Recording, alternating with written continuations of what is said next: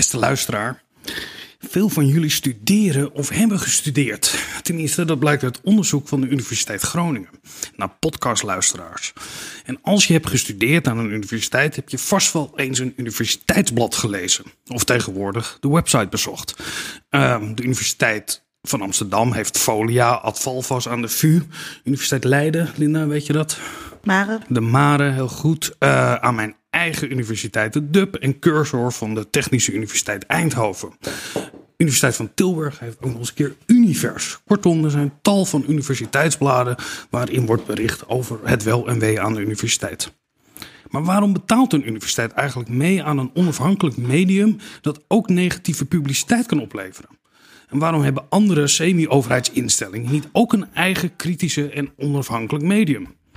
Zijn er niet genoeg alternatieven voor kritische geesten die zich graag willen bemoeien met de universiteitspolitiek?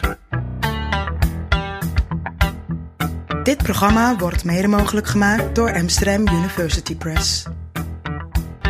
Vanuit Amsterdam is dit Onder Media Doctoren, de podcast waarin communicatiewetenschappers zich verwonderen over de media.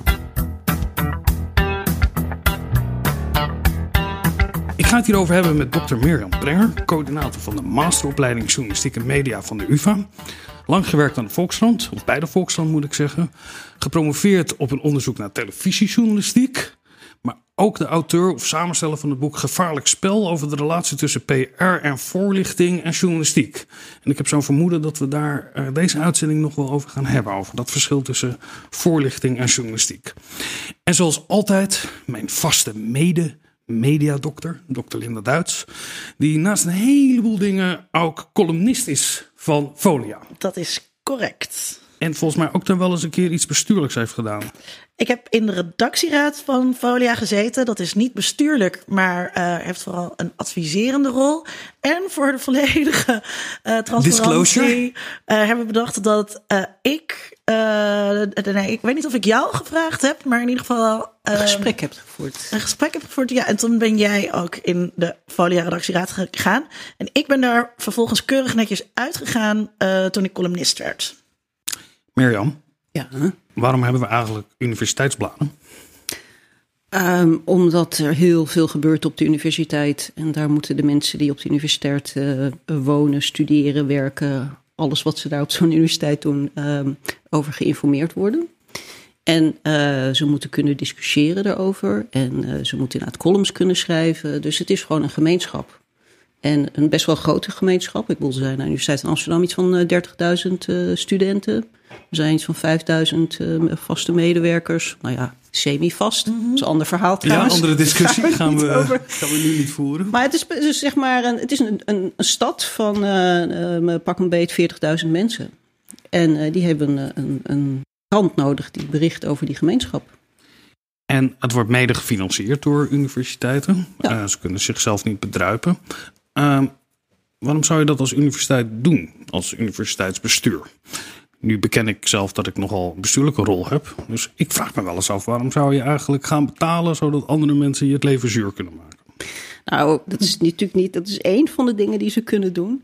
Nee, het hele idee is, omdat het een, een gemeenschap is, zoals elke zeg maar, democratische gemeenschap, moet er dus ook een vorm van vrije pers zijn.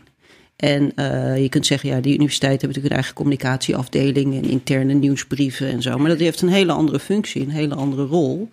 Uh, dus dit is eigenlijk ook een traditiegetrouwe, dus het komt van, van ver. Ik moet eerlijk zeggen, ik ben historicus, ik zou niet precies weten, het zal wel een jaren zestig uh, fenomeen zijn, in de mate waarin die bladen echt zijn. Uh, Komen we nog zo, de, de Folia Civitatis ja. bestaat sinds 1948. 48, oké. Okay. Ik dus heb dat, dat opgezocht hoor, ja, dat was goed. niet parate kennis. Nou ja, maar dan is het inderdaad zo van, van na de oorlog, en toen was ook begonnen enorme aanwas van studenten. Die is natuurlijk vooral in de jaren 60, jaren 70 flink doorgezet. Ja, dan heb je gewoon een, een, een medium nodig dat onafhankelijk, en die onafhankelijkheid was heel belangrijk, uh, is vanaf het begin af aan wel benadrukt, uh, ja, de gemeenschap informeert. Linda, las jij als student uh, de Folia? Altijd. Ja? Ja, ik was een heel trouwe lezer en Folia was in die tijd nog echt een krantje. Uh, dus het, het, was op krantenpapier gedrukt. Altijd het formaat van wat we nu een tabloid uh, noemen. Uh, maar er zaten geen, het was geen full-color magazine zoals het later werd. Uh, en ik vond het heel leuk altijd om te lezen over wat voor promoties er waren. Het prikbord uh, vond ik leuk. Zelfs de columns van Aafbrand Korstius. Uh, Die waren toen nog heel leuk. Kon ik verdragen ja, als, ja. als student. Maar ik was altijd een groot lezer. En ik denk ook dat het heel belangrijk is om, wat Mirjam ook al zei, om tot die gemeenschap toe te treden. Ik weet ook uit ander onderzoek dat veel studenten die in Amsterdam komen wonen, heel erg AT5 gaan kijken. En dat heeft heel erg te maken met dat je dan onderdeel voelt worden van Amsterdam als stad die nieuw voor je is. En daar, en daar word je dan ook trots uh, op. En ik denk dat uh, dat ook heel belangrijk is voor nieuwe studenten die in, aan de UvA komen studeren om Folia te lezen. En zo erachter te komen wat die universiteit eigenlijk is. Um, en ja, daar hoort natuurlijk ook een bepaalde uh, onafhankelijkheid bij. Uh, waar we denk ik uitgebreid over gaan praten vandaag. Um, want die onafhankelijkheid is ontzettend in het geding. Uh, denk ik. Net als dat de universitaire democratie uh, al een tijdje in het geding is. En uh, ja, mensen die de macht hebben, die hebben liever inderdaad niet een kritische pers die hun op die met de vingers meekijkt. Terwijl je zou denken. We schieten gelijk naar de conclusie van deze aflevering. Nou ja, en het is ook, ik ben toch niet helemaal want dat wordt wel heel absoluut gesteld op die manier. Er, er is gedoe. En uh, deels is het gedoe van alle tijden, want dat zit natuurlijk inherent in de, in, in de manier waarop hè, onze normale vrije pers die we hebben, dus de kranten, die, dat zijn commerciële producten. Daar is niemand, uh, er is een uitgever, maar die uh, is niet geen, degene die je controleert.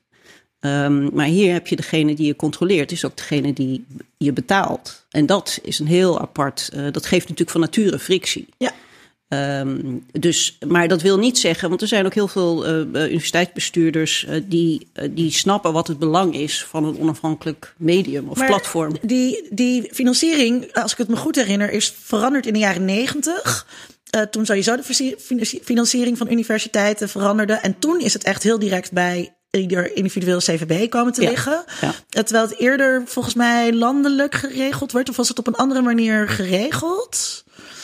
En, en, maar dus uh, die erge frictie die er is, want ik heb hier ook wel eens, ik ben hier wel eens ingedoken, uh, die komt ook echt wel sinds de jaren negentig. Dus er is echt een heel duidelijk verband tussen wiens brood men eet, wiens woord men spreekt.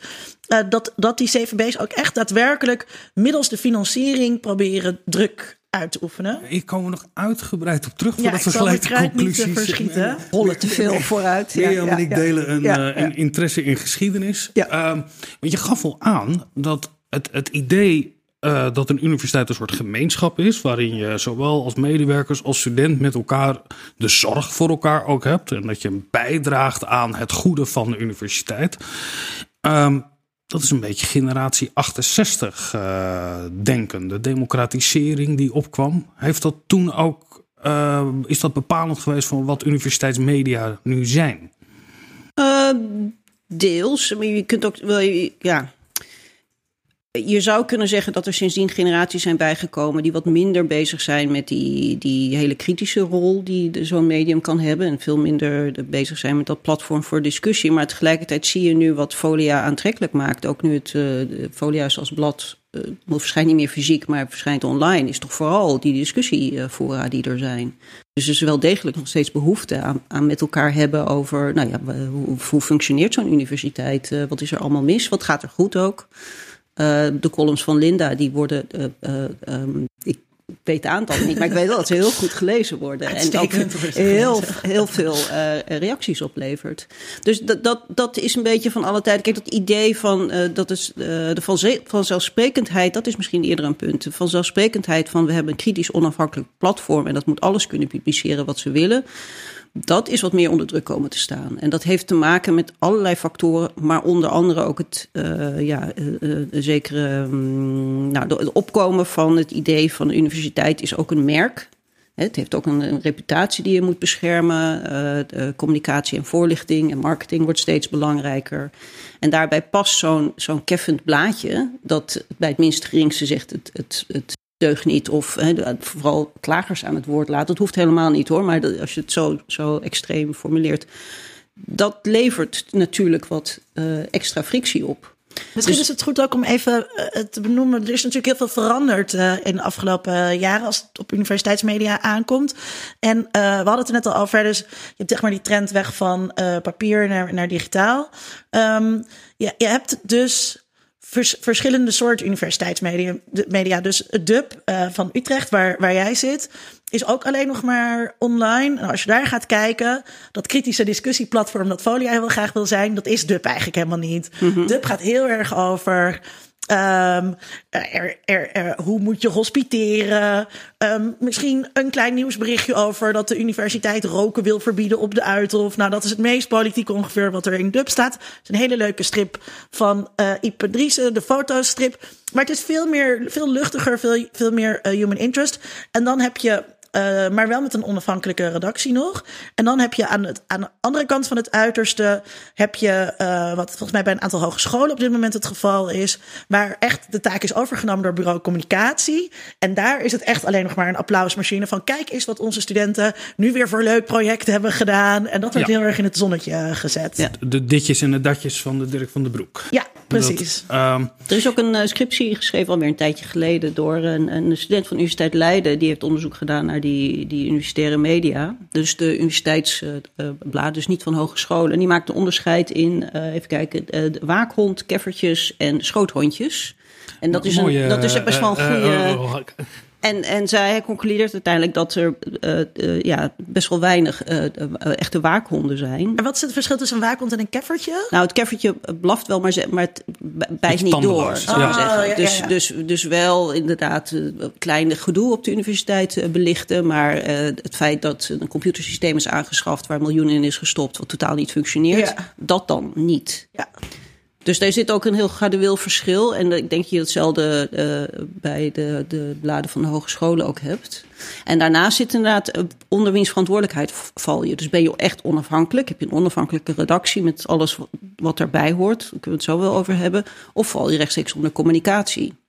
Uh, en is, is, je, is je uitgever ook het hoofd van de communicatieafdeling? Ja, dat maakt een enorm verschil. Maar heeft het nog. Nee, ik wil even terug over jou, jouw columns. Uh, die jij schrijft voor Folia. Uh, daar schrijf je in ieder geval eens in de zoveel keer over studenten die het hele erge met elkaar doen. Uh, waarom moet dat in een, in een, in een universiteitsblad? Uh, nou ja, kijk, dat is wel interessant. Heel specifiek over. We moeten natuurlijk zorgen dat dit niet een podcast over folia wordt. Maar uh, wat, wat folia wel typisch maakt. Of waarom een fotostrip in de dub staat. Nou uh. ja, kijk, je hebt het probleem van doelgroepen. Dus uh, en eerst was Folia natuurlijk er ook nog voor de studenten en de medewerkers van de Hogeschool van Amsterdam. Inmiddels is dat weer uit elkaar. Uh, uh, maar dat is een beweging die we zagen toen de Hogeschool van Amsterdam en de UvA samen moesten gaan. Dan heb je eigenlijk vier doelgroepen: hogeschoolstudenten, universiteitsstudenten, hogeschoolmedewerkers en universiteitsmedewerkers. Die allemaal heel verschillende dingen interessant en leuk vinden. En ik ben wel van een soort VARA-verheffingsgedachte. Uh, dat ook, ja, als je die studenten wilt trekken uh, naar jouw magazine of naar jouw platform, dan moet je meer doen dan alleen maar kritisch schrijven over welk ICT-systeem er aangeschaft is. Uh, want die gemeenschap moet je ook smeden en dat doe je ook op andere manieren. Dat doe je bijvoorbeeld met een rubriek, hoe ziet jouw kamer eruit? Weet je, dat is leuk om te lezen en het heeft nog wel een soort connectie met de universiteit. Het smeet ook wel, denk ik, een soort gemeenschapsgevoel. dat, dat zijn rubrieken die het heel aardig doen. En toen ik ging schrijven voor Folia, toen hebben we het gehad over wat voor soort columns ik zou gaan schrijven. En ja, uh, seks hoort gewoon bij studenten. Uh, seks en seksualiteit. Uh, dus dan heel duidelijk de afspraak gemaakt dat het ofwel gaat over seks voor jonge mensen, zeg maar. Of seksualiteit voor jonge mensen. Of de liefde, dat kan ook. Ofwel over ja, het academisch leven, um, kritiek op onderwijs, kritiek op onderzoek, dingen over de politiek die er zijn. Nou ja, alles waar ik, waar ik over schrijf. En dat is soms een beetje schizofreen. Of mensen begrepen zeker aan het begin niet zo goed. Van, hè, weet je wel, kut, ja, waar schrijf je nou eigenlijk over? Ja, heb je weer zo'n zo'n zo'n stuk van die maffe linkse Linda Duits. Uh, waar, waar mijn vaste haters dan over gingen klagen. En dan was er weer eens over stuk over seks. En dan zeiden ze, jezus, kan die Maffelina Duits over niks anders schrijven dan seks? Ja, dus dat vond ik altijd wel grappig. En inmiddels is denk ik er iedereen er wel een beetje aan gewend. Maar ik denk dus, en ook zeker zo'n fotostrip uh, die in Dub gaat ook echt, die heet Drie Hoog Achter geloof ik. Die gaat ook echt over het studentenleven en hoe dat eruit ziet. Dus het is voor studenten denk ik heel leuk om een, een spiegel van zichzelf te zien in hun blad. En vroeger waren er ook wel aparte studentenmedia. Je had Campus TV uh, bijvoorbeeld. Ik geloof dat er in Groningen nu nog uh, eentje is die zich echt op studenten richten. Maar voor de rest is dat er natuurlijk ook niet echt. Dus je hebt wel bladen voor jongeren, maar dit is toch ook wel een heel specifieke doelgroep. En ik denk dat dat bijdraagt aan het smeden van dat gevoel van dat, er, dat je onderdeel bent van een gemeenschap. En dat we niet alleen maar over, over politiek praten, maar dat het ook over leuke dingen gaat. Zoals ook waar kan je goedkoop eten bijvoorbeeld. Ja. Of, je gaf wel aan, hè? dat is de, de, de VARA, de VARA-gedachte. We, we programmeren Paul de Leeuw voor, uh, voor het nieuws, uh, voor de actualiteitenrubriek. Kunnen we mensen toch nog verheffen als ze blijven hangen? Past dat nog wel? Is het niet een hele oud-mediale gedachte over dat je een titel hebt waar mensen van nou ja, doorheen gaan bladeren. Al is het nou ja, dat is interessant. Uh, misschien dat het de laatste wat ik over Folia zeg, want anders gaan we het er over hebben. Maar uh, Folia is dus uh, sinds dit jaar nog alleen maar online. En dat betekent dat je het niet meer een magazine hebt. Dus dat ja. magazine heeft heel erg die sandwichformule in zich. Dus inderdaad een opiniestuk en een column. En dan een uh, van uh, hoe is het om eerstejaars te zijn. En ja. uitgaanstips. En dan nog een stuk over voor, de, voor, voor wij die op de universiteit werken. Ik werk dus bij de UvA van nou ja, iets wat speelt in onze wereld. Dus het is heel hele verschillende dingen bij elkaar. Nu dat afzonderlijk wordt aangeboden, is het wel interessant om te zien of mensen inderdaad nog wel stukken van de andere doelgroepen lezen. Ja.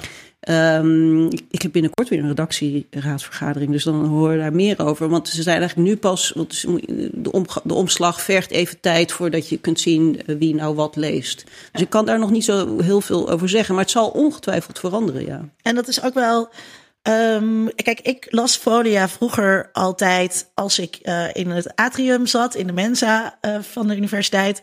En dan moest ik daar op iemand wachten. En toen hadden we geen telefoons om mee te spelen. Uh, dus dan, dan pakte ik dat blaadje uit de bak. En dan, en dan las Oma ik, verteld. Ja, en, dan, en dan las ik dat blad. en dus er zat een niet helemaal, maar toch nog steeds wel een push-functie in. Je kreeg dat blad best wel in je gezicht aangeboden op het moment dat je het hebt. Dan ga je er doorheen uh, bladeren en dan lees je hem wel. En zo word je onderdeel van die gemeenschap. Op het moment dat er alleen maar een website is, dan moet Folia dus heel erg haar best doen om onder de studenten te komen. Nou, zeker in deze tijden uh, waarin je Facebook-bereik heel erg teruggelopen is, is dat dus heel lastig. Dub heeft een hele mooie deal met. Nu gaan we het ook alleen maar Folia en Dub hebben.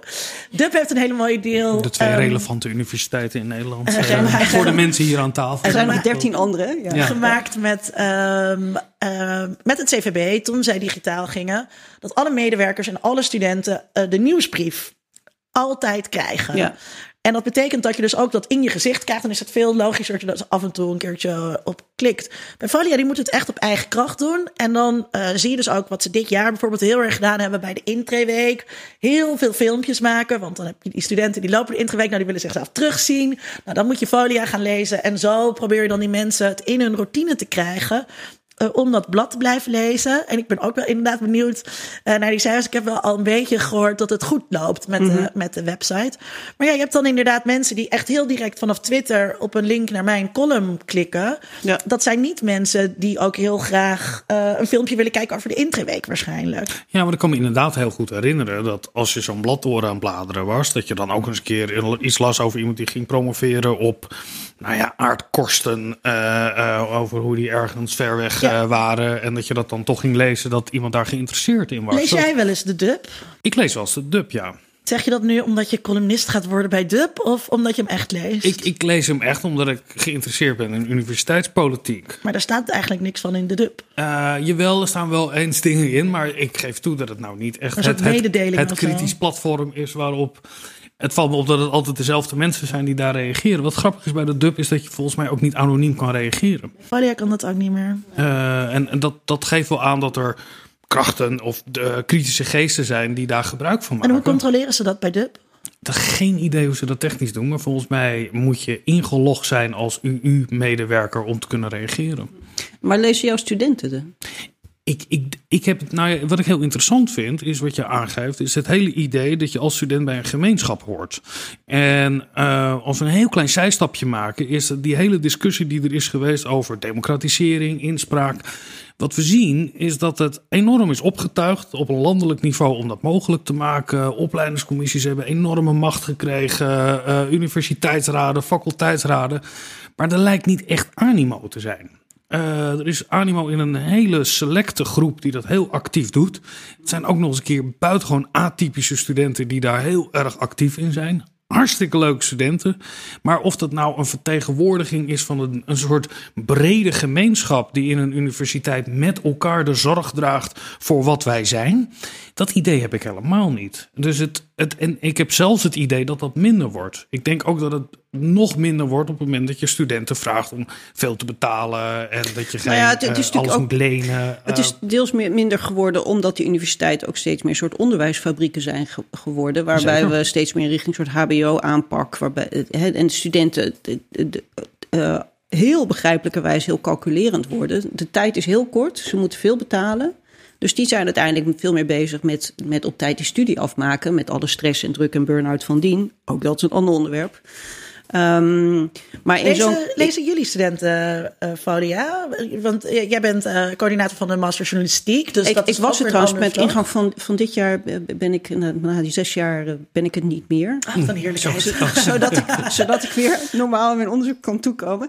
Uh, nou, ja, ze lezen het, ze komen er vandaan. dat zeer tot, niet tot chagrijn van de hoofdredacteur van Folia, maar elk jaar komen, nemen we bij de opleiding studenten aan die, die al schreven voor Folia en van de redactie nu zijn er drie komen van onze opleiding. Dus ja, nee, we zijn een hele nauwe betrokkenheid in een soort doorloop ook. Want het is, het, kijk, zo'n redactie van zo'n um, heeft ook echt de vorm van een soort opleidingsschool. Hè. Er zijn heel veel mensen zijn begonnen bij Folia. En, uh, of nou bij welk andere studentenblad om daarna de volgende stap te maken.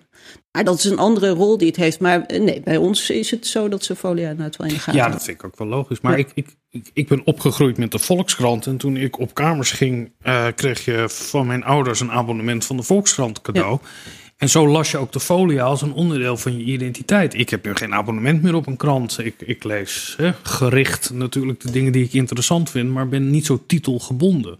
Zijn die universiteitsmedia niet op eenzelfde manier veranderd omdat je die gemeens, dat gemeenschapsgevoel niet hebt? Uh, ik denk dat dat gemeenschapsgevoel er wel degelijk nog is. Ik denk dat studenten uh, wel degelijk met de UvA verbonden zijn. Bijvoorbeeld veel meer dan dat ze met de HVA verbonden zijn, weet ik uh, van de hoofdredacteur van Folia.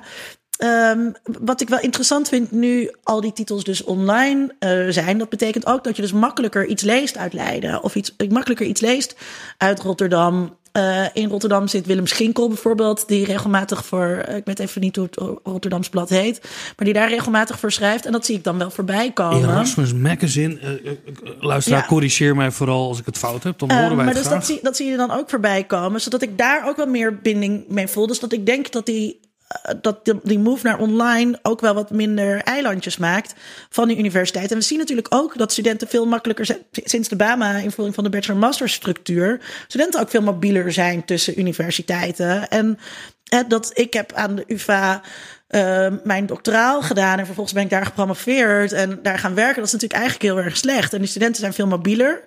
Um, dus je vraag was, denk je... Dat nou, of dat gemeenschapsidee, dat, ik denk dat bepaald mediagebruik... dat zagen we natuurlijk in verzeild Nederland... was heel erg gekoppeld aan jouw identiteit. En als je als student nu voelen die ook dat ze onderdeel zijn van de uh, gemeenschap van de Universiteit Utrecht of uh, van Leiden of Amsterdam Ik of denk de VU. Een, groot, uh, een, deel, een deel van de studenten wel, die heel erg die betrokkenheid heeft, maar natuurlijk ook een hele grote groep niet. En ik denk dat dat ook te maken heeft met woon je nog thuis of niet? Hè? Hoe vaak ben je hier? Hoe zie je de universiteit? Zie je het inderdaad als een diplomafabriek? Of heb je echt het gevoel daarvoor? En op het moment dat er, dat er een bezetting is, demonstreer je mee. Ja, je weet dat al die politiek geëngageerde studenten, die lezen allemaal dit hartstikke, hartstikke duidelijk.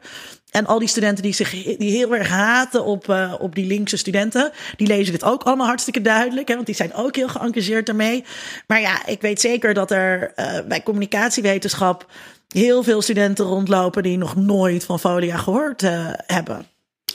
Maar you, you can't win them all. Ja. Maar dat, dat, dat neemt niet weg dat, uh, ook als veranderen die, die het mediagebruik en de behoeftes van, van nieuwe generatie studenten. Ik vind zelf dat een, een universiteit die zo groot is als de Universiteit van Amsterdam of een kleinere universiteiten, die hebben gewoon een onafhankelijk platform nodig.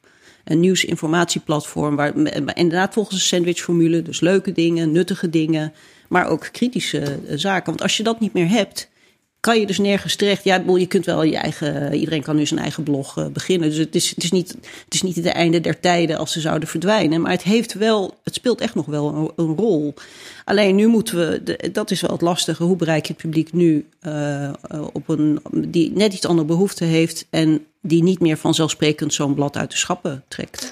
Kijk, wij kunnen het wel hebben over waarom folia er moet zijn. Maar uh, laten we eens horen waarom ze zelf denken dat ze er zijn. Ik ben Henk Strikkers, ik ben uh, redactiecoördinator bij Folia. Uh, we hebben een redactie van zes man. Uh, dat zijn twee leerlingen, een paar schrijvende redacteurs en een videoredacteur. en wij maken elke dag folia.nl. Ja, ik vind het aan de UvA heel leuk dat iedereen ten eerste heel gepassioneerd is over wetenschap, maar ook gewoon niet bang is om meningen te geven. waar ik best wel trots op ben, is dat we best wel veel opiniestukken hebben op folia.nl en ook vaak goede stukken die echt hout snijden en mensen die met elkaar in discussie gaan. En ik denk dat dat aan andere universiteiten en ook in andere universiteitsmedia uh, toch een stuk moeilijker is, omdat mensen meestal wat behoudender zijn of uh, wat minder uh, goed voor hun mening willen of kunnen uitkomen. Nou, wat nieuwswaardig is voor Folia is eigenlijk wat nieuwswaardig is voor de UvA-gemeenschap. dat zijn natuurlijk dat is een moeilijke gemeenschap, want je hebt studenten van 18, je hebt ook leraren van 70 soms wel. en daar proberen wij een soort middenweg tussen te vinden en iedereen zo goed te bedienen. Dus het kan gaan over studentenhuisvesting, dat kan gaan over wetenschappelijke ontdekkingen, dat kan gaan over opinieartikelen over hoe de universiteit eruit zou moeten zien, over hoe je wetenschapsgeld zou moeten verdelen. Het is heel moeilijk om te ontdekken uh, wat mensen echt interessant vinden. Je kunt natuurlijk altijd uh, uh, feedbackgroepen en zo bijeenroepen. dat doen we ook regelmatig. We hebben een redactieraad, we hebben een bestuur die ons ook veel feedback geven. Uh, en wat ook belangrijk is, is dat heel veel studenten uh, bij Folia schrijven. Dus we proberen altijd stagiairs of leerlingen van de UvA uh, binnen te halen, omdat zij vaak het beste weten wat studenten boeit. en we hebben ook een aantal redacteuren die hier al wat langer rondlopen en die kunnen bijvoorbeeld wat beter met medewerkers contact maken. Nou, de UvA is natuurlijk heel anders al dan andere universiteiten. Zijn, ik heb het gevoel dat aan de UvA mensen veel eerder voor hun mening uitkomen, veel uitgesprokener zijn, veel minder bang zijn om iets te zeggen wat misschien bij anderen slecht valt. Um, en wat ons als stichting uh, Folia anders maakt, is dat wij dus een stichting zijn en heel veel andere universiteitsmedia, volgens mij bijna allemaal, op één of twee na, uh, die werken onder de communicatieafdeling. En het is natuurlijk een heel ander gevoel dat ik met mijn hoofdredacteur, hoofdredacteur hier een functioneringsgesprek uh, voer of dat je een eh, functioneringsgesprek voert met de woordvoerder van het college van bestuur of het hoofdcommunicatie van een universiteit. Wij zijn er uh, om ja, de waarheid, wat dat dan ook mogen zijn, of in ieder geval een goed verhaal te vertellen. Mm -hmm. Dat waar is. Hoop je. Hoop je inderdaad. Um, maar dat, dat, is natuurlijk niet altijd waar een organisatie als de universiteit of um, een studentenorganisatie of medewerkers het, uh, het belangrijkste vinden. Uh, dus het kan ook zijn dat zij er niet blij mee zijn. En dan ga je uh, bellen en dan ga je overleggen. En dan soms komt het voor dat je dan misschien iets, iets anders net opschrijft. of dat, dat je in een interview bij een inzage toch iets meer schippert dan je eigenlijk origineel van plan was. Um, maar aan de andere kant, als een verhaal een verhaal is, dan gaan wij het niet terugtrekken of censureren of ophouden, want dan moet het naar buiten. Het gaat heel vaak op, op een veel lager niveau heb je het dan over formuleringen en zo. Maar echt censuur of... Uh, ik werk nu vijf, vijf, jaar bij Folia en ik heb nog nooit meegemaakt dat iemand tegen mij zei... Uh, dit stuk mag niet gepubliceerd worden. In ieder geval niet vanuit de universiteit. Vaak komt het dan vanuit andere mensen. En dan luisteren wij daar ook niet uh, naar per se. Wie dan? Nou, bijvoorbeeld tijdens de bezetting van het Maagdenhuis zijn er wel... de, als bijvoorbeeld ook een redacteur van ons bedrijf hebben aangifte gedaan van de politie... Um, daar hebben echt mensen geroepen van dit mag nooit in folia komen. Maar, maar ja, wij zijn niet hun spreekbuis, net zo min als ze spreekbuis zijn van een UvA-bestuur of van wie dan ook. Je zoekt natuurlijk niet elke dag de randjes op. Uh, maar als je een goed onderzoeksverhaal hebt en ook al is dat misschien uh, niet het allerbeste nieuws voor de UvA als dat naar buiten komt, dan gaan wij... Uh, natuurlijk geven we de UvA dan kans op weerwoord en mogen ze uitleggen hoe het zit volgens hen. Maar het is niet zo dat we dan zeggen, we publiceren het niet omdat de UvA er niet blij mee is.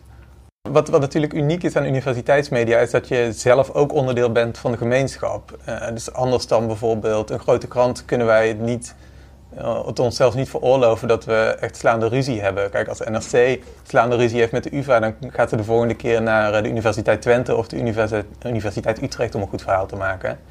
En, maar wij hebben geen tweede universiteit, we hebben geen tweede plan om verhalen te maken. Dus dat is natuurlijk wel anders. Aan de andere kant kun je misschien ook wel inderdaad weer vergelijken met, met de lokale journalistiek. Een gemeenteverslaggever die de gemeenteraad verslaat ja, die kan natuurlijk ook geen ruzie hebben met de hele gemeenteraad. Want dan kan hij ook wel ontslag nemen. Dus ja, het is, een, het is, een, kleine gemeenschap en daar maak je zelf ook deel van uit. En dat, dat is wat anders dan een landelijke krant.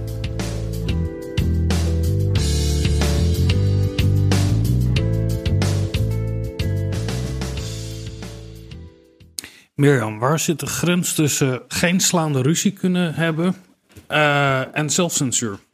Die is heel moeilijk te trekken. Want um, uh, wat Henk zegt, ik, ik, ik, zit nu een, paar jaar in de redactieraad van uh, Folia. En voor zover wij weten zijn inderdaad echt censuur in. Dus zeggen, er mag iets niet. We zijn er niet geweest. We hebben een keer iets, een gedoetje gehad met de cover waarop twee naakte borsten stonden. Die wilden, wilden ze bij de HVA liever niet bij de, bij de voorlichtingsdag hebben. Nou, maar een beetje dat, dat gaat wel ergens over. weer bij de VU. Ja. ja.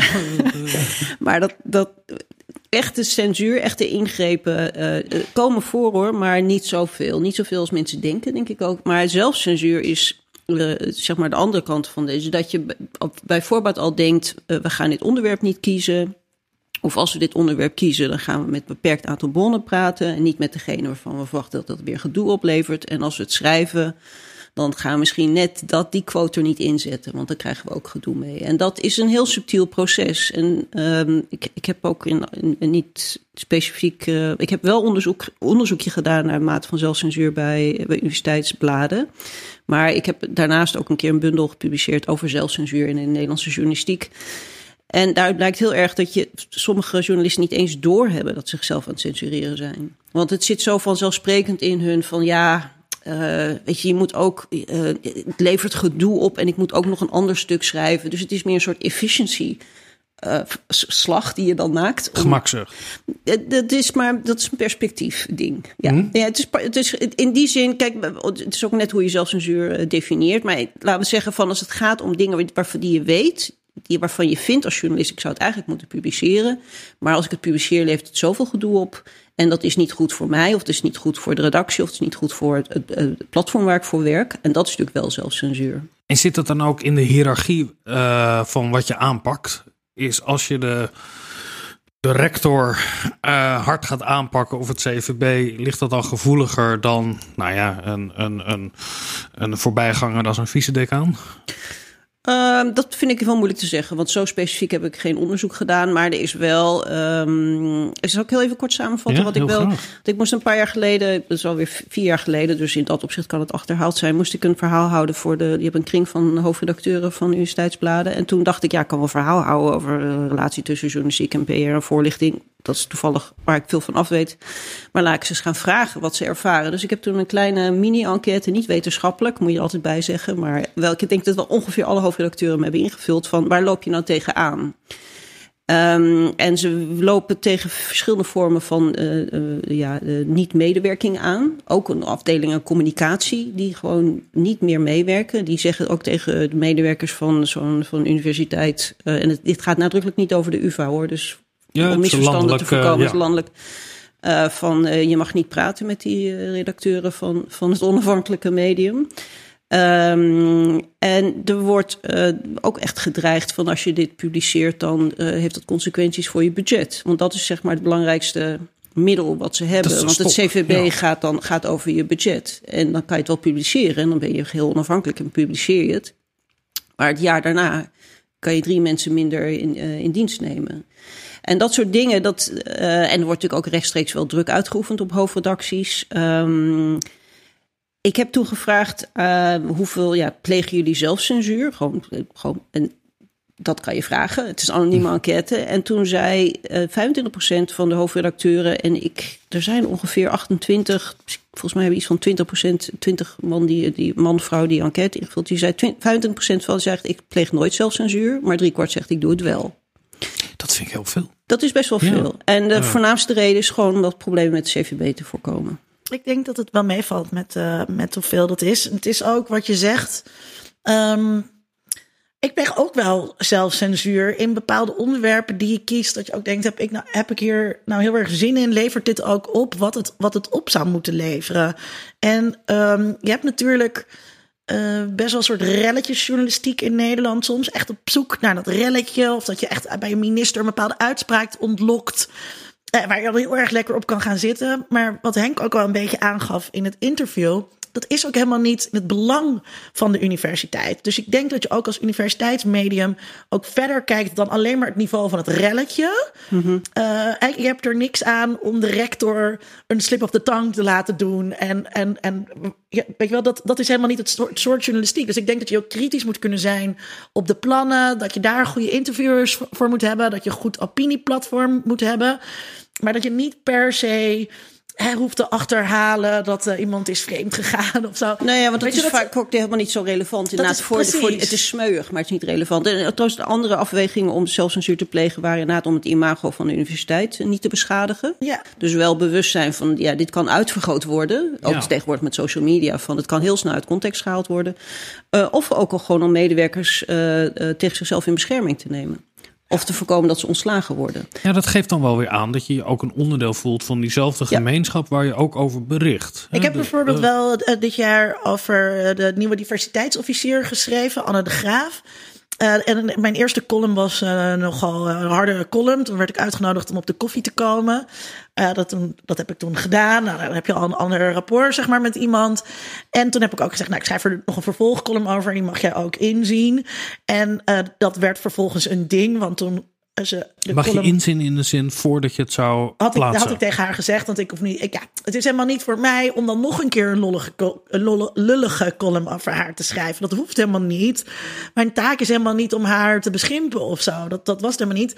Dus ik, ja, ik ben ook de, de beste, de, of noem je dat, de naarste niet, de moeilijkste niet. Dus ik had gezegd, nou, weet je, die mag je wel lezen. En toen kwam ze heel erg terug op de dingen die ze gewoon echt letterlijk in dat interview had gezegd. En toen heb ik ook weer even overleg gehad met de hoofdredacteur van ja, ik kan nu dus een column schrijven waarin ik helemaal ga uitleggen hoe zij draait en weet ik veel wat. Maar daar help ik helemaal niemand mee. Weet je, daar heb ik haar niet mee, help ik mezelf niet mee, help ik de UvA niet mee, help ik de diversiteitsbeweging van de universiteit niet mee. Dat heeft helemaal geen zin. Dus uiteindelijk heb ik daar een soort andere vorm voor gekozen. Ja, als, als ik nu. Uh, uh, op les was bij, uh, weet ik veel, uh, heet hij ook weer? Arnold Karskens of zo, weet je wel. Die dan... Publish and be damned. Ja, ja, ja precies. Ja, dat, dan zou dat heel slecht zijn wat ik nu heb gedaan. Ook als columnist. Terwijl ik denk, ja... En ik denk dus dat, dat, dat dit iets is omdat je onderdeel bent van die gemeenschap... dat je daar wat, wat anders over nadenkt. En had je ook het idee, en meer dan algemene zin... Ik ga dat... bijvoorbeeld ook geen collega's beschimpen. Dus ik heb ook wel eens iets geschreven over een collega die een, een, echt een foute beslissing had genomen in een plagiaatzaak. Daar ga ik er niet I bij know. zeggen welke collega dat is. Dat gaan we dat, zeker niet zeggen. Want dat hoeft, dat hoeft niet. Terwijl je volgens andere journalistieke mores dat misschien wel zou doen. Ja, maar je hebt ook een column. Hè? Je bent geen journalist in dit verhaal. Maar, nee, maar om aan te geven zeg maar, hoe die zelfcensuur dus ook uh, uh, bij mij werkt. Maar als je een kritisch... Terwijl ik als columnist natuurlijk veel meer kan zeggen dan ja. journalist.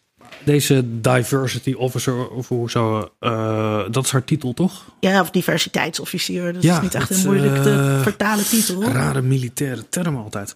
Um, zo iemand, die wordt misschien ook wel begeleid vanuit de communicatieafdeling.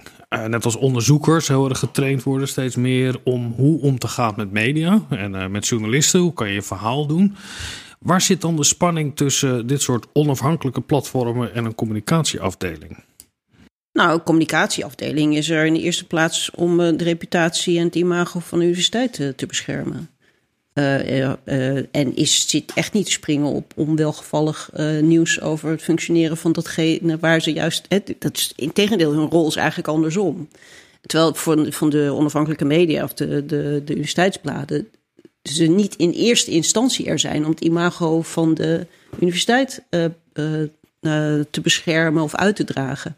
Maar grappig genoeg, ik, ik zat ter voorbereiding zat ik even te Grasduin en ik zag dat nu bij Wageningen zoeken ze een nieuwe hoofdredacteur voor het, daar heet het blad Resource.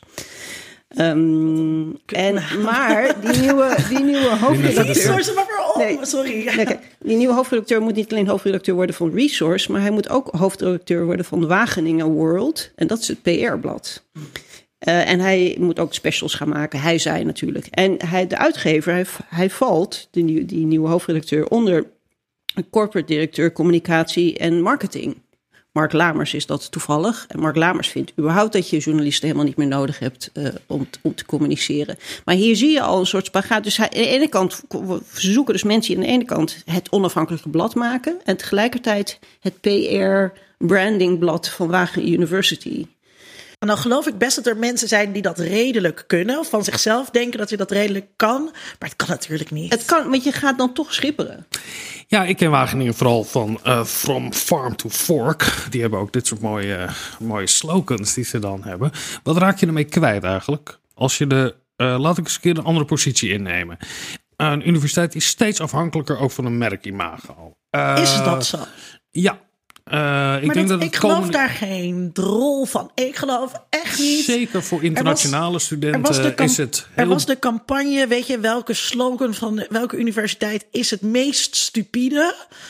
Um, er is niemand die aan een universiteit gaat studeren vanwege de slogan. Nee, maar niemand koopt ook een paar schoenen alleen om de slogan. Het gaat over een totaal. Ja, maar dat uh, betekent dat, kijk, die, die, schoenen, daar is je goed over nagedacht. En het, het maakt nogal wat uit in welke stad je gaat studeren. Weet je wel, dat is al jaren is dat de grote aantrekker voor studenten. Ga je naar Groningen of ga je naar Leiden? En hoe een opleiding staat aangeschreven, komt er dan vervolgens bij. En ik weet zeker dat helemaal onderaan in dat rijtje bungelt het merkimago. Bureaus communicatie hebben zichzelf ook heel belangrijk gemaakt. Dus ze hebben ook gezegd dat dit ertoe doet. Ze hebben die functie heel goed weten op te tuigen. Wij leiden heel veel van dat soort mensen ook op. Die moeten ook allemaal ergens aan de bak. Vind ik wat dat betreft ook niet erg. Vergeet ook niet dat die bureaus communicatie veel meer doen dan alleen maar die domme slogans bedenken. En bedenken dat die dan in Leiden moeten hangen.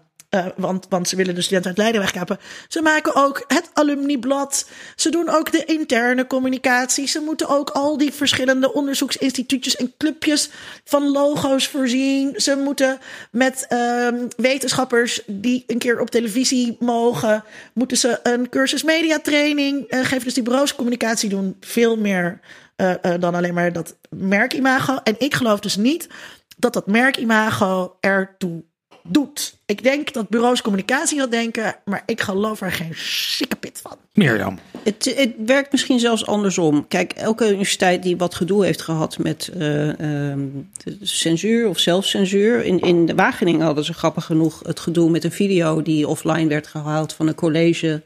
waarin kritiek werd geuit op een bedrijf rond Schiphol. Um, dat heeft de afdeling communicatie offline gehaald. Daar ontstond zoveel gedoe over dat ze binnen drie dagen het weer online hebben geplaatst. Dat, dat is natuurlijk schadelijk voor het imago van, van de onafhankelijkheid van Wageningen. Waardoor ik, als ik student was en ik, kreeg, en ik uh, heb dit een beetje gevolgd, denk van nou, um, ik weet niet hoe ze daar verder überhaupt omgaan met kritiek. Want als universiteit wil je één merkwaarde uitstralen en dat is kritisch denken. Ja. En dat gaat wel eens fout dat gaat zeker wel eens fout. Zoals in Groningen.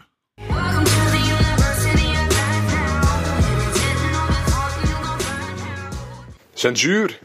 Dat is waar redacteuren Peter Keizer en chef Weller van de Groningse Universiteitskrant UK een werkgever van beschuldigden. Eerder al was een collega van hen opgestapt omdat de krant volgens haar niet onafhankelijk genoeg was. De drie beweren dat de krant meer en meer een schoothondje wordt van de universiteit. Al langer merkten ze dat iets aan het veranderen was op werk. Onthullingen over wanpraktijken van universiteitsbestuurder werden ontraden. Ze kregen de vraag of zo'n kritische houding nou eigenlijk wel nodig was. Uiteindelijk kwam door een artikel over een nieuwe campus van de universiteit in China het hek van de dam. Keizer had een artikel geschreven over een vergadering van de universiteitsraad over deze campus en had het na overleg met de hoofdredacteur gepubliceerd. Maar na publicatie bleek ineens dezelfde hoofdredacteur een passage uit het artikel te hebben gehaald. Specifiek een stuk dat het ongemakkelijk was voor de universiteitstop. Een bestuurder had blijkbaar gevraagd aan de raad of ze een ongenoegen met de campus alsjeblieft niet naar buiten wilden brengen. Terwijl de minister van Onderwijs destijds op zoek was naar een zo breed mogelijk draagvlak voor het plan. Dat ruikt inderdaad naar twijfelachtige journalistieke praktijken van deze hoofdredacteur. De kwestie werd voorgelegd aan de redactieraad en een onafhankelijke commissie. Die oordeelde uiteindelijk dat het handelen van de hoofdredacteur geen schoonheidsprijzen verdient, maar vonden ook geen bewijs van censuur. Toen ook nog eens bleek dat Keizer en Weller stiekem gesprekken hadden opgenomen om hun beschuldigingen van censuur te onderbouwen, was de maat vol voor de krant. Keizer werd ontslagen en Wellers contract werd niet verlengd. Na afloop schreef de betrokken hoofdredacteur wel iets dat veelzeggend is. Volgens hem is er in de universiteitsjournalistiek altijd een spanningsveld, omdat de krant die de universiteit moet controleren onderdeel is van diezelfde universiteit. En volgens Keizer gaat het daar nu precies fout. Dat spanningsveld zou volgens hem niet mogen bestaan. De universiteitskrant zou in principe alles moeten kunnen publiceren wat ze wil. Een rekening houden met wie de rekeningen betaalt past daar niet bij.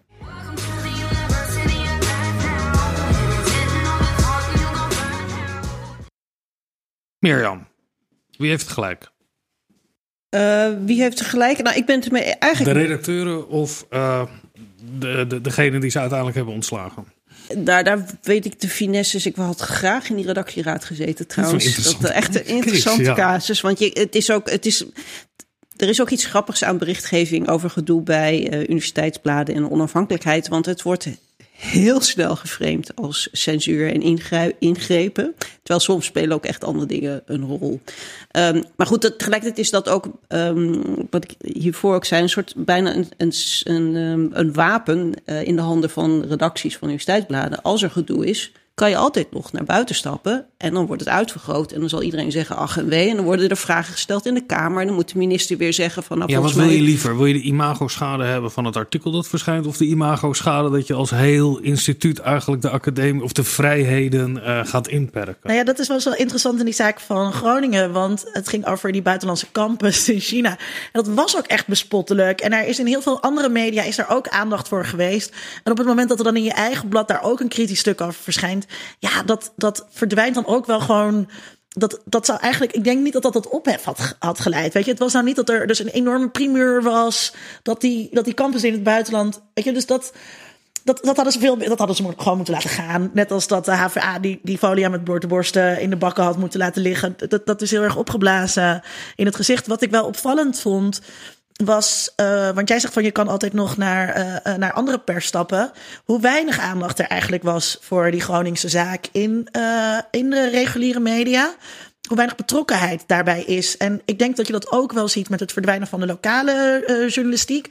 Dus de journalistiek die overeind blijft, die is daar ook heel weinig solidair mee. Ik had echt wel verwacht dat er wat meer in Volkskrant of NRC of Trouw hierover geschreven uh, zou worden. En uh, ik, ik ben wel één keer ook daarover geïnterviewd. Ik heb er zelf al over geschreven. Namelijk, want ik vind het een heel belangrijk onderwerp.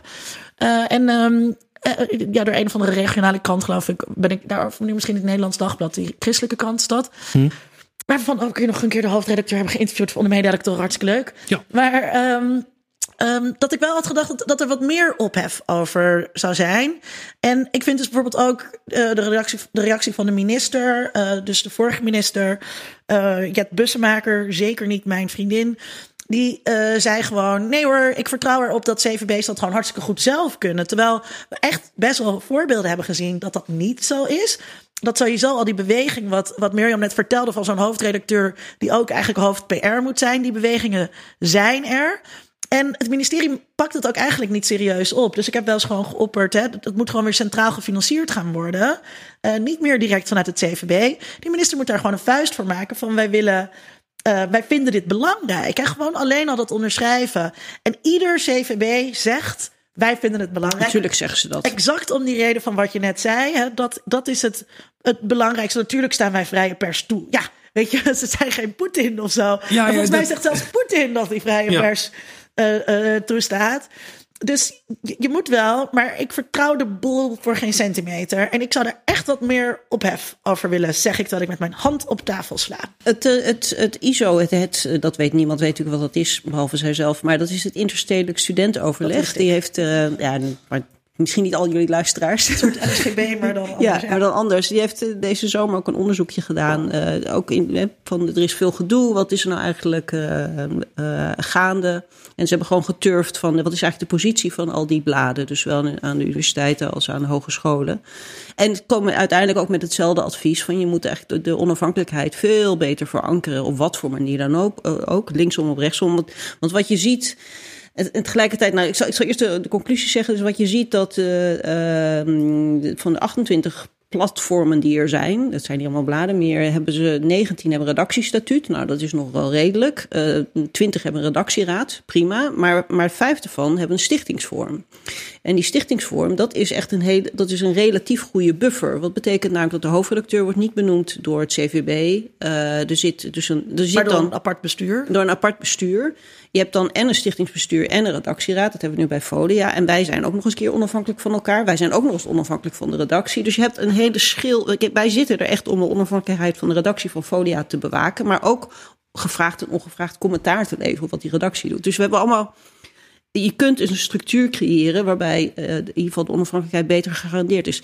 Dat wil niet zeggen, als de structuur perfect is, maar je hebt een CVB die totaal geen besef heeft van de waarde van zo'n onafhankelijk platform, kunnen achter de schermen van alles nog wat gebeuren. Dus zo'n structuur is niet heilig. Maar als en sowieso, zeggen, mag je Vincent, dat ook die uh, move, dus weg van papier naar online, is ook wel degelijk een move om het, de, de impact van zo'n blad te verkleinen. Nou, als het gaat dat, om. Je maakt er nu een soort uh, vooropgezet idee van. Om, Omdat het ook dat, dat, dat is het. te maken. Ja, nee, maar dat is het ook. Dus uh, wat, hoe, hoe het zeg maar gaat, is een patroon. Uh, uh, die bladen kwamen eerst op papier. Dan wordt er gezegd dat is best wel duur. Is papier nog wel van deze tijd? Jongeren lezen namelijk alleen maar online uh, dingen. Misschien moeten jullie weg van dat papier. Nou, dat papier heb ik net uitgelegd. Dat is hartstikke belangrijk vanwege die push-functie. Dus daar haal je al een heel groot deel van het bereik mee weg. En vervolgens kan je dus gaan zeggen: hele duidelijke leescijfers heb je dan. Want van dat papier is dat heel moeilijk om te weten of wel wordt dat nou precies gelezen. Op nou, het moment dat je kliks en views hebt, dan kan je heel duidelijk zeggen nou ja, dit kost dus veel geld, maar dit levert heel weinig op. Ja, ontsla die columnist maar. Of misschien moeten we dat toch uh, niet meer op die manier doen. Dus dat is wel degelijk een strategie om uh, zo'n zo medium een beetje uit te kleden. Maar veronderstel je dat daar een vol opgezet idee achter zit? Um, en nou, voor opgezet idee, dat is. Ja, we gaan, we, we gaan ze een kopje kleiner maken. Um, ik denk dat, dat het hier eerder is. Um, we vinden het niet zo belangrijk. Je kan dat geld ook aan andere dingen besteden. En soms is het ook wel een beetje lastig, dus waarom ook niet? Kijk, en die mensen van Bureau Communicatie. Uh, je hebt uh, Jascha Lange bij de UvA. En daar kan ik hartstikke goed bier mee drinken. En dan moet altijd heel erg lachen. En dan, en dan stel ik me aan andere mensen om ons heen voor. Dan zeg ik altijd, ik ben Jascha's nemesis. En dan moet Jascha, Jascha ook heel hard lachen. En dan zegt Jascha, nee hoor, ik lees je columns heel graag. Ja, maar liever natuurlijk niet. Ik denk ook als je ehm, gewoon kijkt naar wat er wordt uitgegeven aan afdelingen communicatie versus eh, redacties, hè, van die platform, onafhankelijke platformen, dat dat de, de communicerende vaten zijn. Dus UVA, dat weet ik dat toevallig, heeft nu 35 FTE bij de afdeling communicatie, verspreid over vijf afdelingen. Dus het zijn ook allemaal hele, wat Linda al zei, hele diverse de dingen. De UVA heeft 35 communicatie. FTE. 35 FTE, hè? Dus, dus dat, dat zullen 50, 50, denk ik. Ik weet het niet. En Folia heeft een redactie van, uh, ik denk een kernredactie van vijf mensen nu. Ja, waarvan ik denk niet eens de, denk dat dat 5 FTE is. Nee. En, en, dat en landelijk zo 1 op 7 is toch ook de journalisten op zich ja, van voorlichters? Ja, dat is wel heel, 1 op 10 zijn we ooit. Oh, maar, maar dat zijn ook dat zijn mensen in communicatie. Dus, dit is ook, dus in dat opzicht is dat inderdaad een beetje, uh, kan, je het, kan je het zo die verdeling zien. Terwijl um, vroeger waren die afdeling communicatie kleiner, waren redacties van die bladen uh, groter. Dus dat is wel degelijk uh, en, maar ik denk niet dat het zo super strategisch gaat. Maar je ziet dat het proces overal wel, wel gaan. Tegelijkertijd bleek ook uit onderzoeken dat die bladen helemaal niet meer gelezen werden. Dus dat was ook wel. Wat je kon meten, liet wel zien dat, dat er moest iets veranderen. Dan, dan voer ik samen met wat andere mensen op Twitter een soort onregelmatige oorlog tegen het alumniblad Spui. Dat uh, uh, alle alumni in de bus krijgen in een folietje. En het is een, een glossy die er echt heel chic uitziet, waar veel geld in gaat zitten. En bij mij gaat die up, ongelezen uh, de vuilnisbak in. Bij, bij heel veel mensen ja. is dat zo.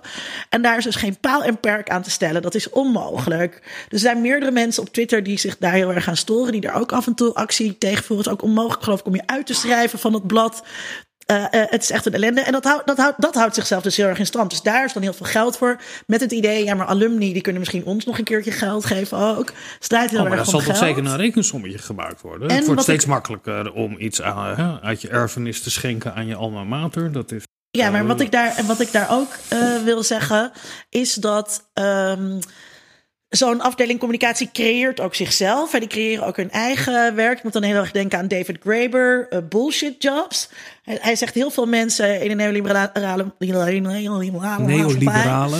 Die, ja hoor, uh, het woord is gevallen, dames Die zitten, die zitten op plekken die we eigenlijk associëren met communisme. Gewoon een soort hè, werkverschaffing. Die moeten, ook, die, die moeten ook aan het werk blijven. Uh, en dan zou je zeggen, hè, maar hoe, hoe kan dat? Want we zijn toch juist heel erg ingericht op efficiëntie. Hoe kan het dat niemand tot opmerkt? Nou, vooral omdat dat zijn banen die ze bij soortgelijke bedrijven en organisaties ook hebben. Dus op het moment dat de communicatieafdeling van de Universiteit Leiden groeit, dan moet de communicatieafdeling van de Universiteit Delft ook groeien, want dat hebben ze daar ook. En uh, nou ja, jij bent uh, uh, langzaam veranderd in een manager. Die managers die, die vermenigvuldigen zich ook, want die zien ook steeds meer behoefte aan andersoortige managers. Nou zou ik nooit durven beweren, Vincent. Ik zit hier ook heel zwijgzaam af te wachten waar, waar dit naartoe gaat. Oh, ja. Als het in de minste plaats, omdat jij nu op dit moment mijn baas bent. Ik ben jouw leidinggevende. We hebben binnenkort een BNO-gesprek. Dat gaan we zeker meenemen. en ik hier toch enige vorm van zelfcensuur. en terecht. Ja.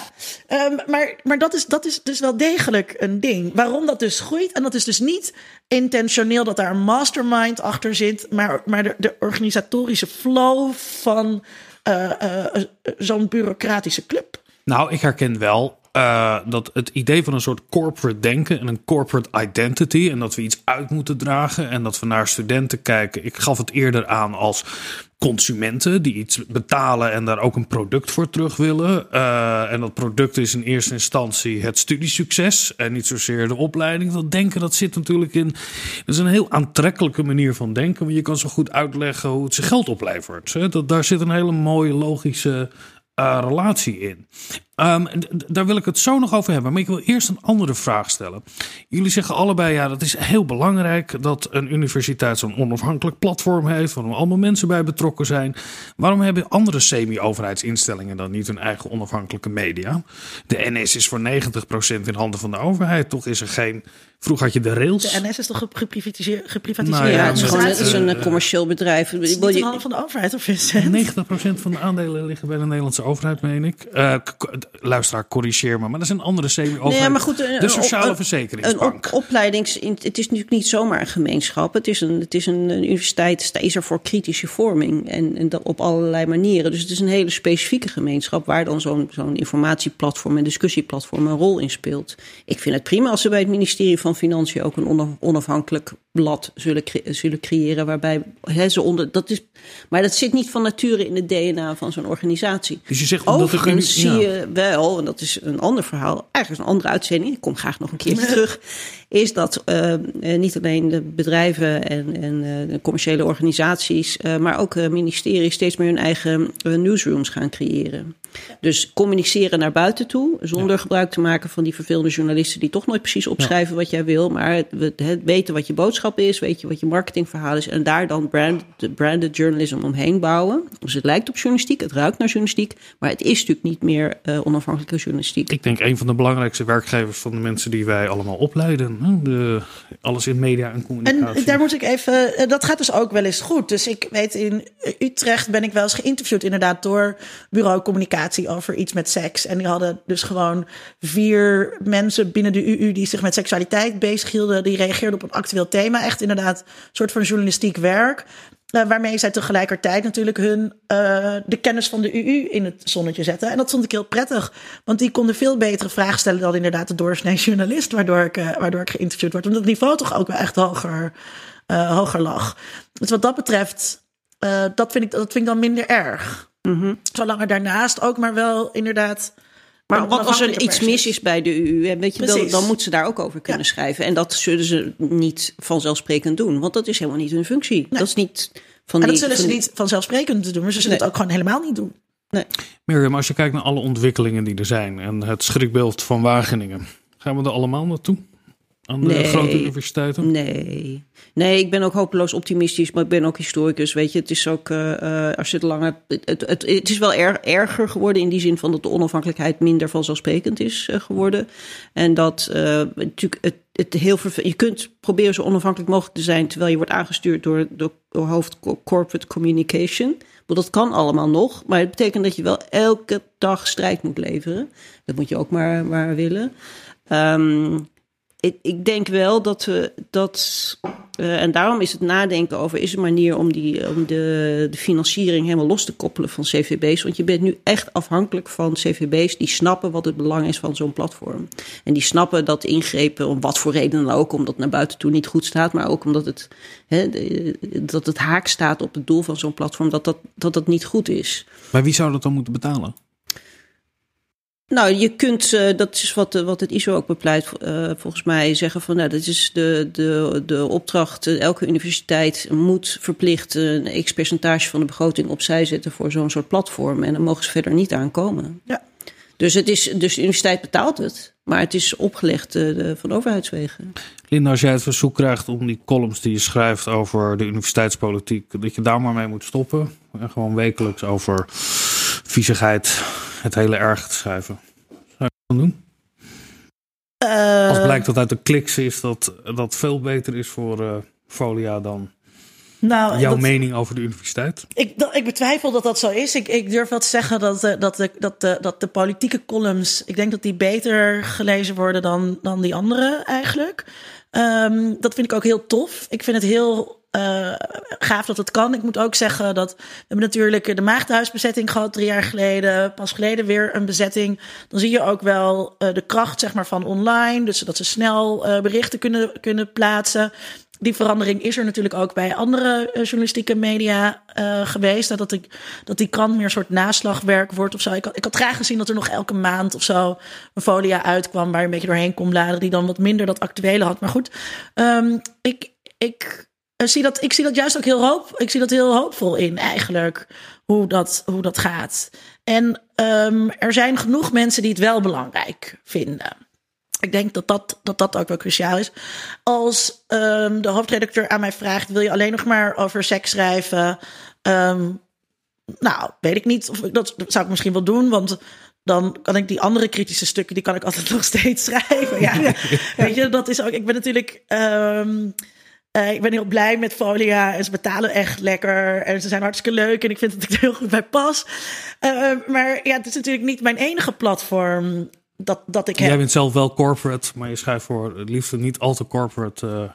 Uh, nou, ik ben, ik ben gewoon ondernemer. Dus, um, maar, ik, maar ik ben ook wel onafhankelijk ondernemer. En dat is, dat is juist denk ik ook wel het fijne. Uh, dat ik daar allemaal geen last van heb. En, en dat Jasja de Lange zou misschien tegen de hoofdredacteur van Folia kunnen gaan. Jasja de Lange, dus uh, de communicatieafdeling van, van UvA, die zou misschien wel tegen de hoofdredacteur kunnen gaan klagen. Maar ja, tegen mij kan ik klagen wat ik wil, maar dat, dat, helpt, dat helpt natuurlijk niks. Dus daar zit nog weer een laagje onafhankelijkheid ingebakken. Um, nou, wat, was, aan, wat, was, je vraag ook weer? Nou, over, kijk, je geeft aan, de universiteit moet een kritische gemeenschap zijn. Mm -hmm. Um, de universiteit. Ja. De, het, het academisch leven erin. Ik heb wel het idee dat er faculteiten zijn die daar meer mee bezig zijn dan andere faculteiten. Zeker, oh nee, natuurlijk. Uh, waardoor er ook een oververtegenwoordiging is in het debat van, nou laten we zeggen, geesteswetenschappers, een paar sociale wetenschappers. Maar dat zag je ook bij de Maagdenhuisbezetting en de laatste relletjes die aan de UvA waren. Dat zie je ook in Utrecht. Waren geen relletjes, hè? Was uh, gewoon uh, oprichting, legitiem Legitiem protest. Uh, dat er een, een, een soort tweedeling lijkt te ontstaan op de universiteit van juist die faculteiten die nauw samenwerken met het bedrijfsleven, met derde partijen. En aan de nou andere kant en juist bovendien, kritische dat, kijk, je, kunt zeggen dat zie je dan misschien op die discussiepagina's het meeste terug. Of je ziet het terug. Er zijn eigenlijk de mensen die reageren op die discussies. Dat zijn er ongeveer twintig. Je kunt ze uittellen als je het een beetje volgt. Dus je, dan weet je. Maar uh, met name is ook een opdracht aan de hoofdredacteur van welk medium dan ook. Maar, maar zeker die van Folia. Van zorg dat je ook die het schrijft over dingen waar de andere mensen op de universiteit in geïnteresseerd zijn. Dat het niet lijkt alsof het alleen maar één type mens is wat, wat daar zit. En daar, daar is hij ook mee bezig. Daar gaan de discussies die wij met hem hebben ook over. Ehm, eh, dat je ook die diversiteit van zo'n gemeenschap uh, tot uiting brengt. Zodat iedereen zich wel enigszins erin herkent. Kijk, 100% scoren gaat nooit lukken. Dus altijd, maar elk medium heeft zo zijn eigen vertekeningen. Wil de Volkskrant, NRC, uh, eh, NOS Journaal zelfs. Dus dat haal je er niet echt uit. En je kunt zeggen, ja, die comments, uh, je kunt het op slot gooien voor die 20, maar dat is ook niet helemaal de, de oplossing. Nee, ik zei, dacht ik ook hoe de beta zich boos hadden gemaakt over het sluiten van een fietsenhok. en dat is ook ik ben het, Ik ben het helemaal niet uh, met, je, met je eens wat je zegt. Um, wat ik denk ook belangrijk is, onafhankelijke journalistiek betekent niet um, uh, op de hand van de bezetters zijn of op nee. de hand van de, van de demonstranten zijn. Nee. Uh, dus dat, dat, is al, dat is al één ding. Je moet je daarin onafhankelijk opstellen. Tweede is, na de Maagdenhuisbezetting heb ik samen met uh, een paar collega's onderzoek gedaan naar wat er leefde, zeg maar, onder, onder de mensen. En hoe dat inderdaad ook per faculteit verdeeld is. En dat wat jij, wat jij schetste, dat is gewoon onjuist. Hè? Dus je hebt inderdaad, uh, uh, zijn er meer mensen uh, betrokken bij het protest vanuit geesteswetenschappen. Maar het is echt niet zo dat die scheidslijn, dat er een soort links-rechts scheidslijn alfa-beta loopt. Uh, binnen geesteswetenschap heb je ook heel veel mensen uh, die er. Oh, ik heb ook niet gezegd dat beta's uh, je hebt niet links zijn hoor. nee, maar het gaat dus ook niet zozeer over links of zo. Maar, en je hebt dus ook op de beta-faculteit. Vergeet niet dat een van de grote aanjagers ook van Maagdhuisprotest was de beta-fusie tussen de VU en de UVA. Hartstikke belangrijk punt, waar ook heel erg veel mensen zich tegen verzetten, waar ze het niet mee eens waren. Um, dus ik, ik, denk dat dat heel belangrijk is om dat, om dat voor ogen te houden. En uh, die, die enorme verdeeldheid die er is, heb ik ook wel eens over geschreven. Ja, de UVA is niet links. Dat wil geen stijl heel graag. Mm -hmm. Maar dat, dat is nee. de UVA uh, gewoon niet. Net als dat Leiden ook niet rechts uh, is. Ook al kwamen daar toch wel bijzonder twijfelachtige mensen van de politieke filosofie faculteit. Sorry, um, recht en filosofie faculteit afdeling vandaan. Sorry, ik zeg het helemaal niet goed. Maar... Uit de stal van Cliteur, ja er zijn gewoon te veel mensen om daar een eenduidig uh, profiel, politiek profiel bij te maken. En, en uh, er zijn niet zozeer alleen te veel mensen, maar het is gewoon niet die polarisatie waar, waar jij het over hebt, die is er gewoon niet. Er is wel degelijk verdeeldheid, maar je hebt ook een grote groep mensen, they really don't care. Een hele grote groep studenten die er echt helemaal mee niks, niks mee heeft. En een hele grote groep die daar ook heel genuanceerd uh, in is. Mirjam, ja. Dit is de 78ste aflevering van deze podcast. En al 78 keer hebben we alle onderwerpen sluiten gehad? we af. Ja, we hebben alles gehad. Um, dan gaan we proberen een vraag te beantwoorden. Waarom zijn die universiteitsmedia er? Oh, dat is ik, een hele grote vraag. Ja. Ik mag een, uh, nog een slot, uh, Jij mag een, slotverklaring uh, mag, mag, doen. Slotpleidooi. Ja, ja. mag, ja omdat ze bijdragen aan dat wat de universiteiten willen uitstralen. Namelijk, we zijn een, een kritische gemeenschap. Uh, waarin dus uh, open het delen van informatie, delen van discussie. dat is onderdeel van wie wij zijn. En, en er is duidelijk behoefte aan. Ja, mediagebruik verandert. Ja, mediavormen veranderen. Dus die bladen moeten ook mee veranderen. Um, ik zou het zelf echt, ik zou niet willen werken op een universiteit waar ze niet een onafhankelijk medium hadden. Dus voor mij, zeg maar, als iemand die daar werkt, is dat echt heel erg belangrijk. En dat zeg ik niet alleen omdat ik toevallig dan uh, in de journalistiek uh, werkzaam ben. En geesteswetenschapper ben. En uh, van, nou... Links signatuur. Tamelijk rechtse signatuur, ja. Oh. Nee. Um, dus je D66 gestemd. nou, dat echt nooit niet. Nee. Maar zit hier een de, fan van Rob Jetten aan tafel. Ja. ja. Dus it, it, it, ja, het, het, is heel belangrijk dat ze bestaan, dat ze blijven bestaan. En de vorm waarin, ja, dat zal steeds veranderen. Maar dus zoals elke mediavorm verandert. Maar de functie, die blijft, die is echt cruciaal. Linda? Ik denk dat de universiteitsmedia zowel een venster op de universiteit bieden uh, als de andere kant op. Hè? Dus je, je leert zo naar je universiteit kijken. En de universiteit kijkt ook zo uh, naar de gemeenschap. En in die zin is het eigenlijk het cement of zo. Van, van zo'n gemeenschap. En ik denk inderdaad Gemeenschap is het woord dat we wat meer mogen benadrukken. Ik ga niet lachen om seksuele toespelingen. Maar um, dat ging in de vorige podcast helemaal mis. Um, maar dat is, dat, dat is wel belangrijk en dat vergeten we nog wel eens. Uh, juist in deze tijden van, van individualisering dat we dit met z'n allen, we maken met z'n allen de universiteit. Ik vind dat, uh, daar sluit ik me volledig... Ja, jij, wat vind jij eigenlijk, Vincent, van die... Van die uh... Nou, ten eerste, ik vind universiteit helemaal niet zo corporate. En je ziet wel bedreigingen daarin ontstaan. En er wordt enorm over gediscussieerd en kritisch over nagedacht. En heel erg continu wordt die discussie weer gevoerd. Waarom zijn we er eigenlijk? En ik moet zeggen, ik werk aan de Universiteit Utrecht. Daarin, ook op alle hoogste niveau, wordt die vraag ook continu weer gesteld. En dat zit dan heel mooi in die tweedeling die jij mooi schetste. Wij, wij kunnen niet bestaan als we ook aan die waarde van een kritische gemeenschap zijn, waarin dit soort media aanwezig zijn, waarin mensen vrij onderzoek moeten kunnen doen.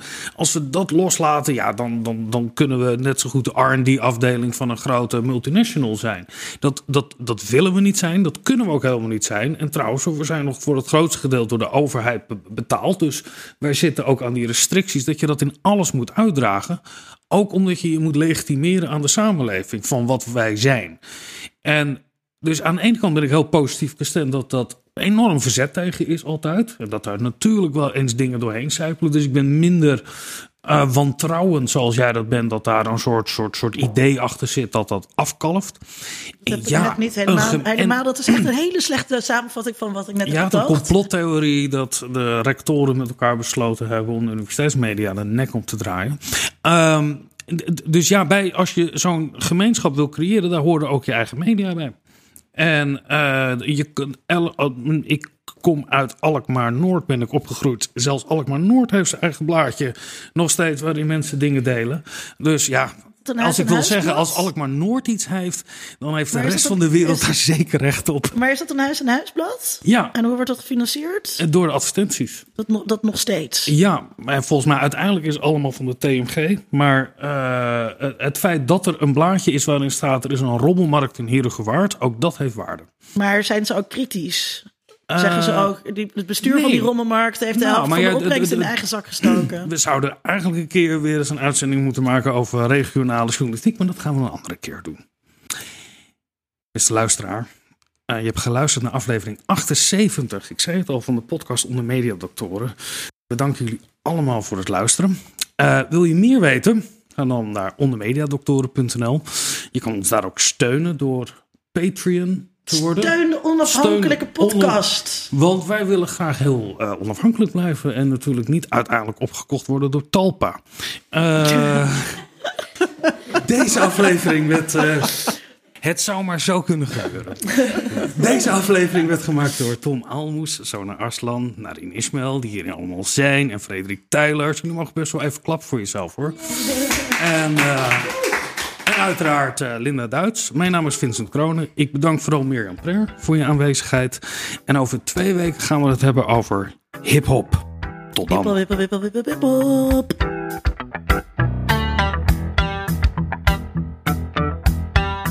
Onder Mediadoktoren is een podcast van Vincent Kronen en Linda Duits. Meer informatie vindt u op ondermediadoktoren.nl.